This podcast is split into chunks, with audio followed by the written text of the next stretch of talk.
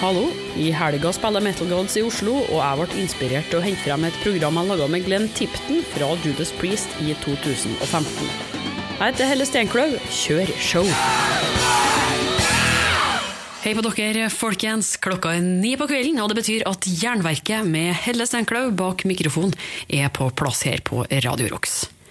Den 2. juni spiller Judas Priest i Oslo, og vi har klart å få selveste Glenn Tipton på tråden. Gitarist i Judas Priest gjennom mer enn 40 år. Jernverket fikk hjelp av noen av de største Priest-fansen i landet når vi skulle lage spørsmål, så her er mye snavl i vente. I tillegg så har Tipton sjøl plukka ut all musikken vi får høre i dag. Led Zeppelin, eksempel. Black Dog. En klassiker fra Black Sabbath, 'Paranoid' her på Jernverket og Radio Rocks. Låta er plukka ut av gitarist i Judas Priest, Glenn Tipton.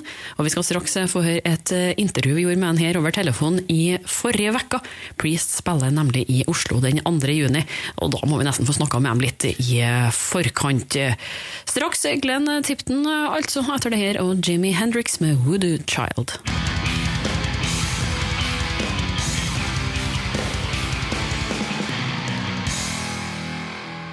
Kunne ikke være noe annet enn Jimmy Hendrix, dere der, Voodoo Child, på Jernverket og Radio Rocks.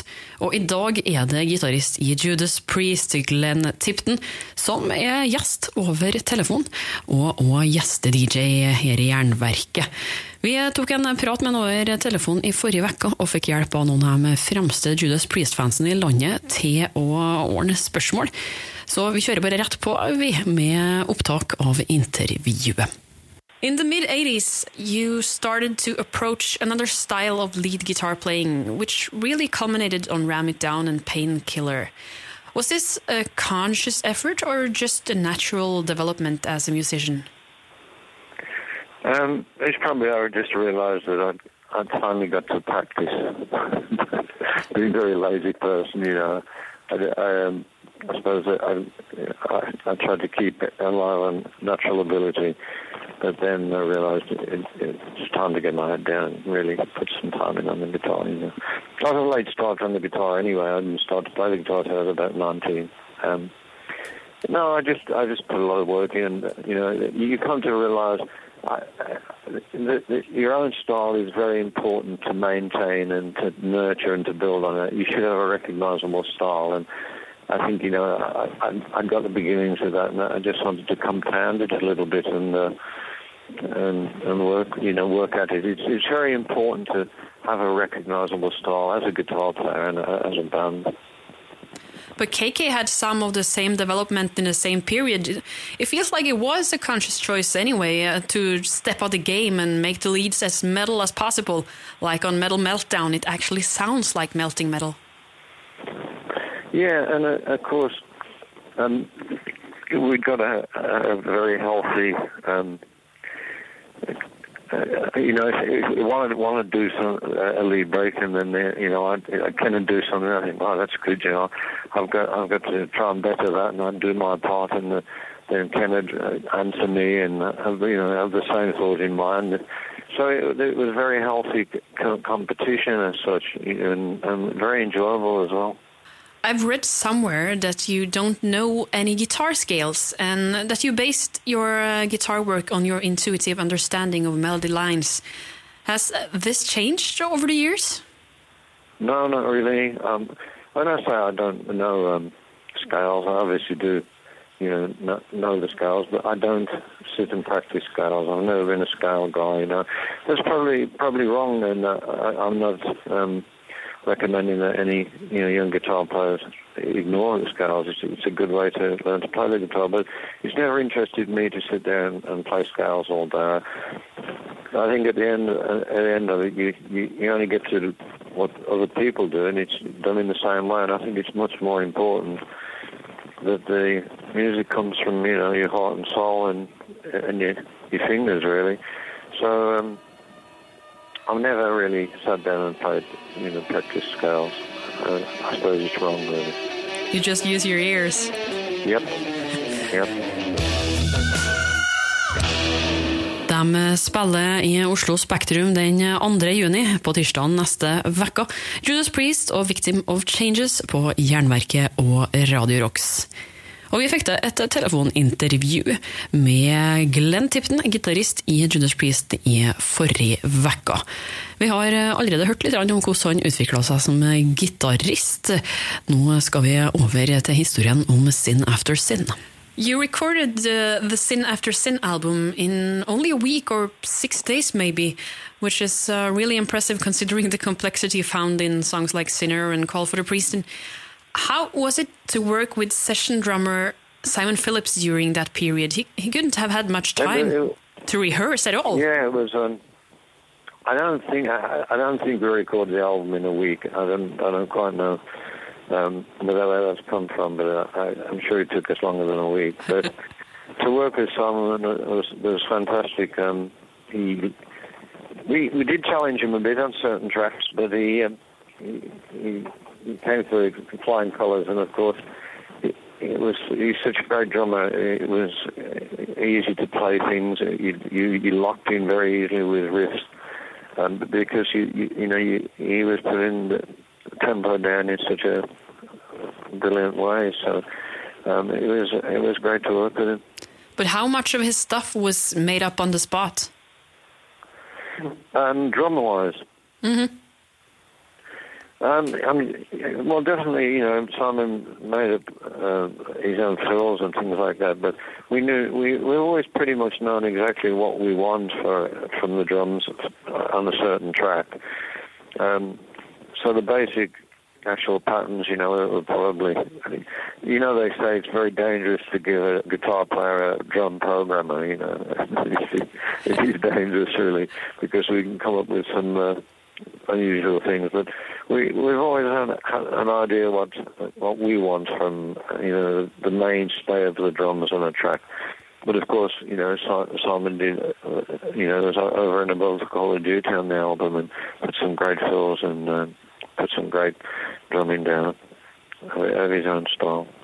You uh, released your solo record Baptizm of Fire in 97 and the Tipton Entwistle and Powell album Edge of the World in 2006. Following this time gap, your next release should be this year. Anything in the works or uh, is the side project something in the past? uh, I've, I've obviously got lots of ideas, you know, I'm, I'm sort of fairly prolific guy and when I do sit down, I don't always sit down with the guitar. I, I, you probably read in many interviews. I, I need to take a break from the guitar sometimes. I actually need that because I, I always want to love the instrument, and if I put it down for a period, then I eventually want to pick it up, and that's when I'm very prolific. Um, so I've got lots of ideas, but I, my thoughts are purely on Judas Priest now, uh, with Richie John in the band, and, and with the success of Redeemer of Souls and plus we're enjoying this tour so much. Uh, we're on a re- real roll, and uh, you know my, my, concentration is purely on on Priest at the moment. But who knows? Uh, at, at, some point, you know, I may I may do another album or or two even. I don't know what's around the corner. Uh, so, but, um, maybe, maybe. Mm. But what do you like to do when you put the guitar down and uh, not concentrating on Priest, but only on yourself? Um, lots of things. I'm a very active guy. I like to travel. I love to be at home. So that, that's a conflict right there. But um, my main, I think my main pastime is fishing. You know, I like to fish. I like to get out on the riverbanks. I love the countryside, and I like to get away from it also fishing suits that, and um, I'm never happier than when I'm on the river. And uh, I, I love sports, any sort of sports, even soccer, you know, football, tennis, golf, anything competitive, and that helps to keep me fit. Uh, I um, I enjoy. You should come and fish for salmon in Norway. You should take me. Det sa gitarist Glenn Tipton fra Judas Priest til Jernverket på Radio Rocks. Vi får høre mer fra han allerede straks om 40 sekunder, og ei Priest-låt, 'Dragonaut'.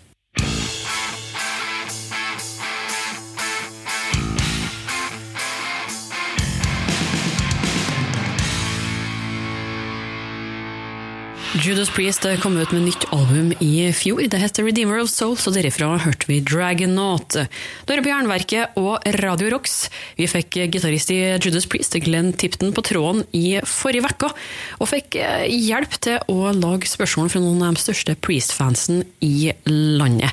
Og vi var jo nødt til å spørre hvordan det har gått med Richie Faulkner, som hoppa rett etter Virkola, bokstavelig talt, når han tok over gitarene etter KK Downing.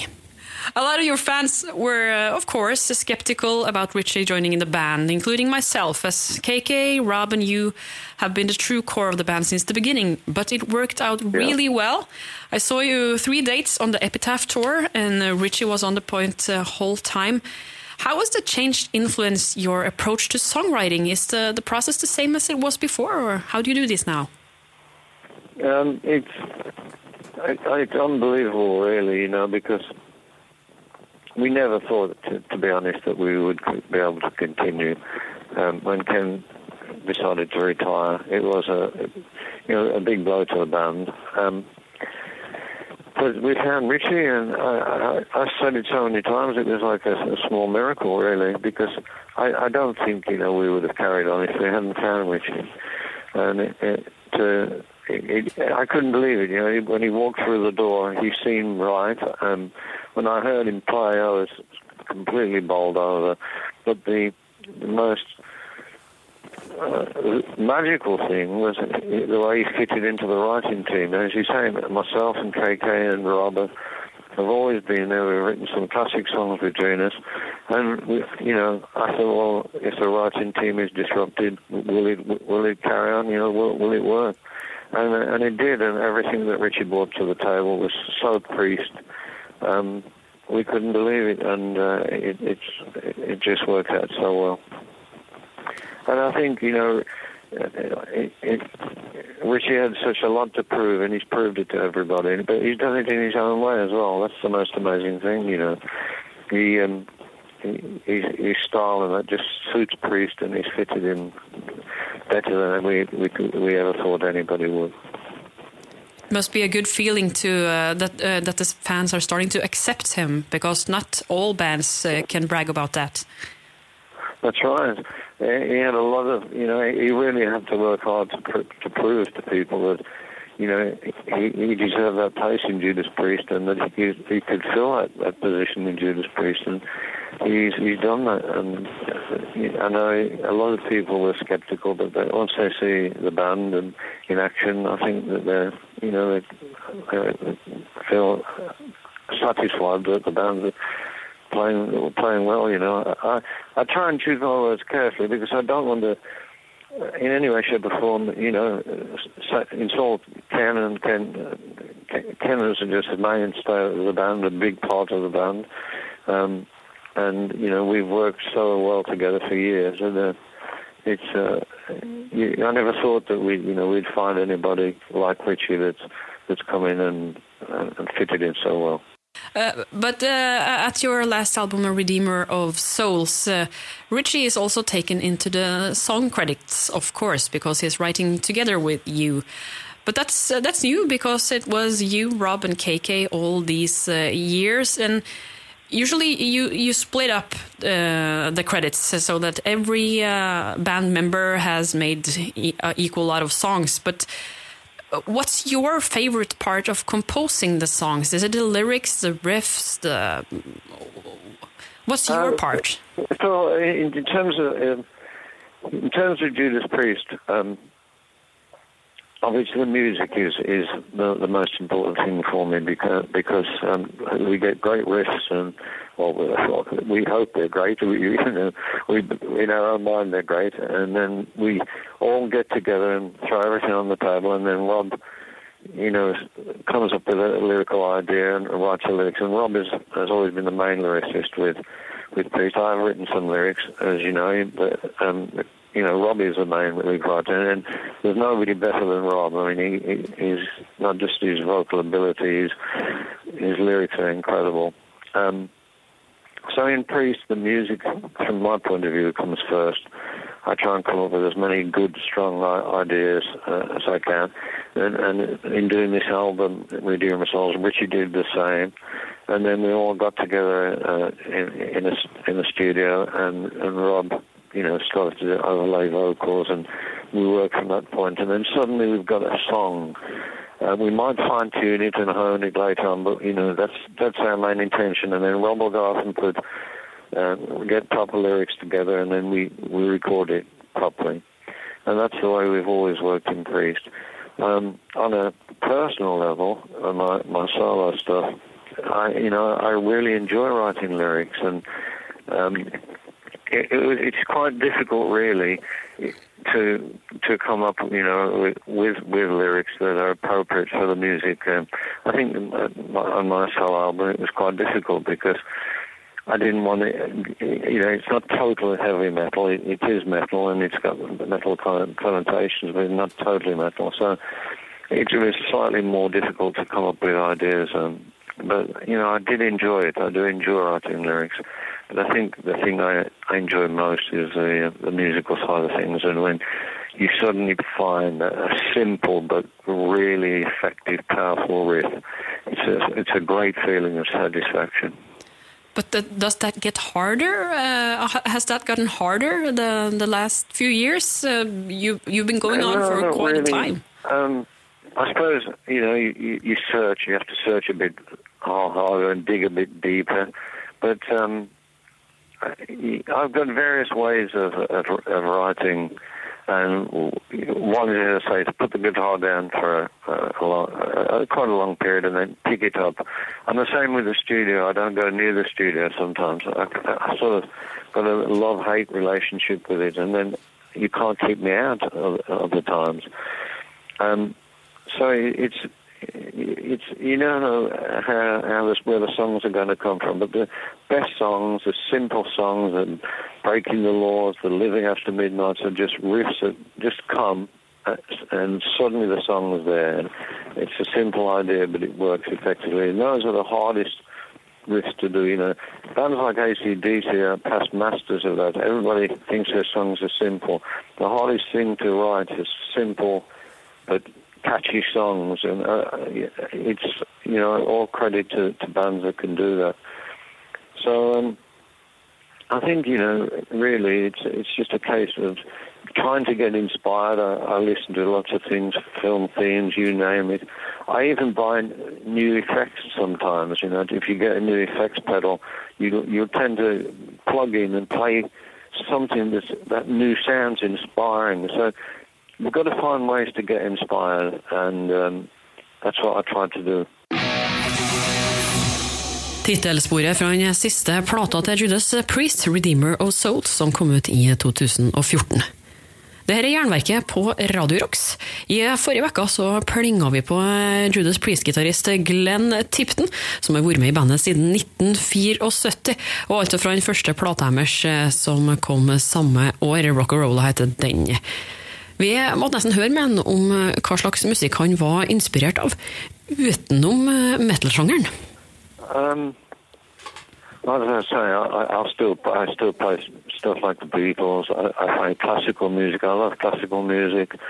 Uh, I love film themes, um, uh, and I, I just find them so dramatic and so inspiring. And as I say, when you couple them to average footage, you've got something very magical. And so I, I love film themes a, a lot, uh, and classical music as well.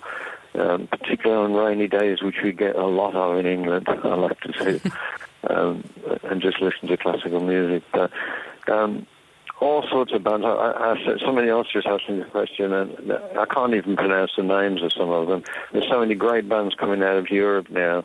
Um, so I do keep my ear to the ground, but you know, um, I, I try and I try and get my inspiration from other areas than metal and uh, any good songs. I mean, any good songs at all. Um, I've got time for because you know they've been written well constructed, well the compositions there, and they're doing the job, which is fulfilling people's needs, you know, audibly out there, and people love music. So I think uh, there is no actual genre that I listen to. I listen to music across the board.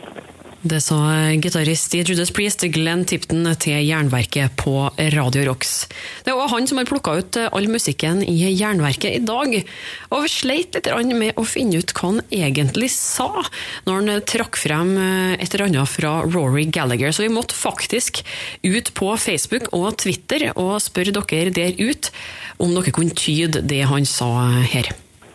I'm personally one, of my favorite guitar players is Roy Gallagher, and Jewel KJ Payne was a great album.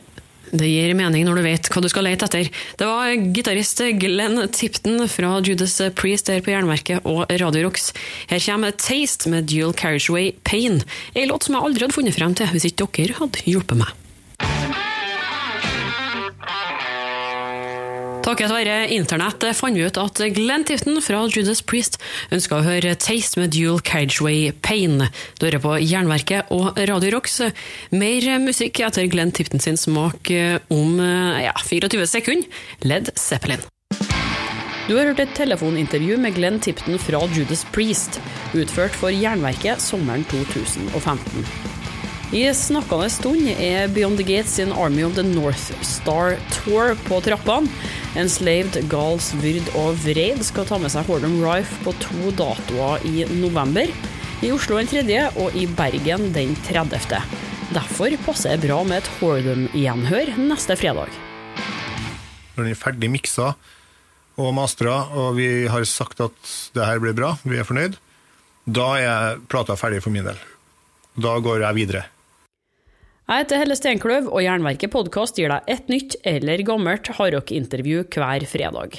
Abonner via podkastappen din, eller hør det på jernverket.kom. Ellers så oppfordrer jeg deg til å følge Jernverket på Facebook og Instagram for å få med deg ryktene, konkurransene og diskusjonene.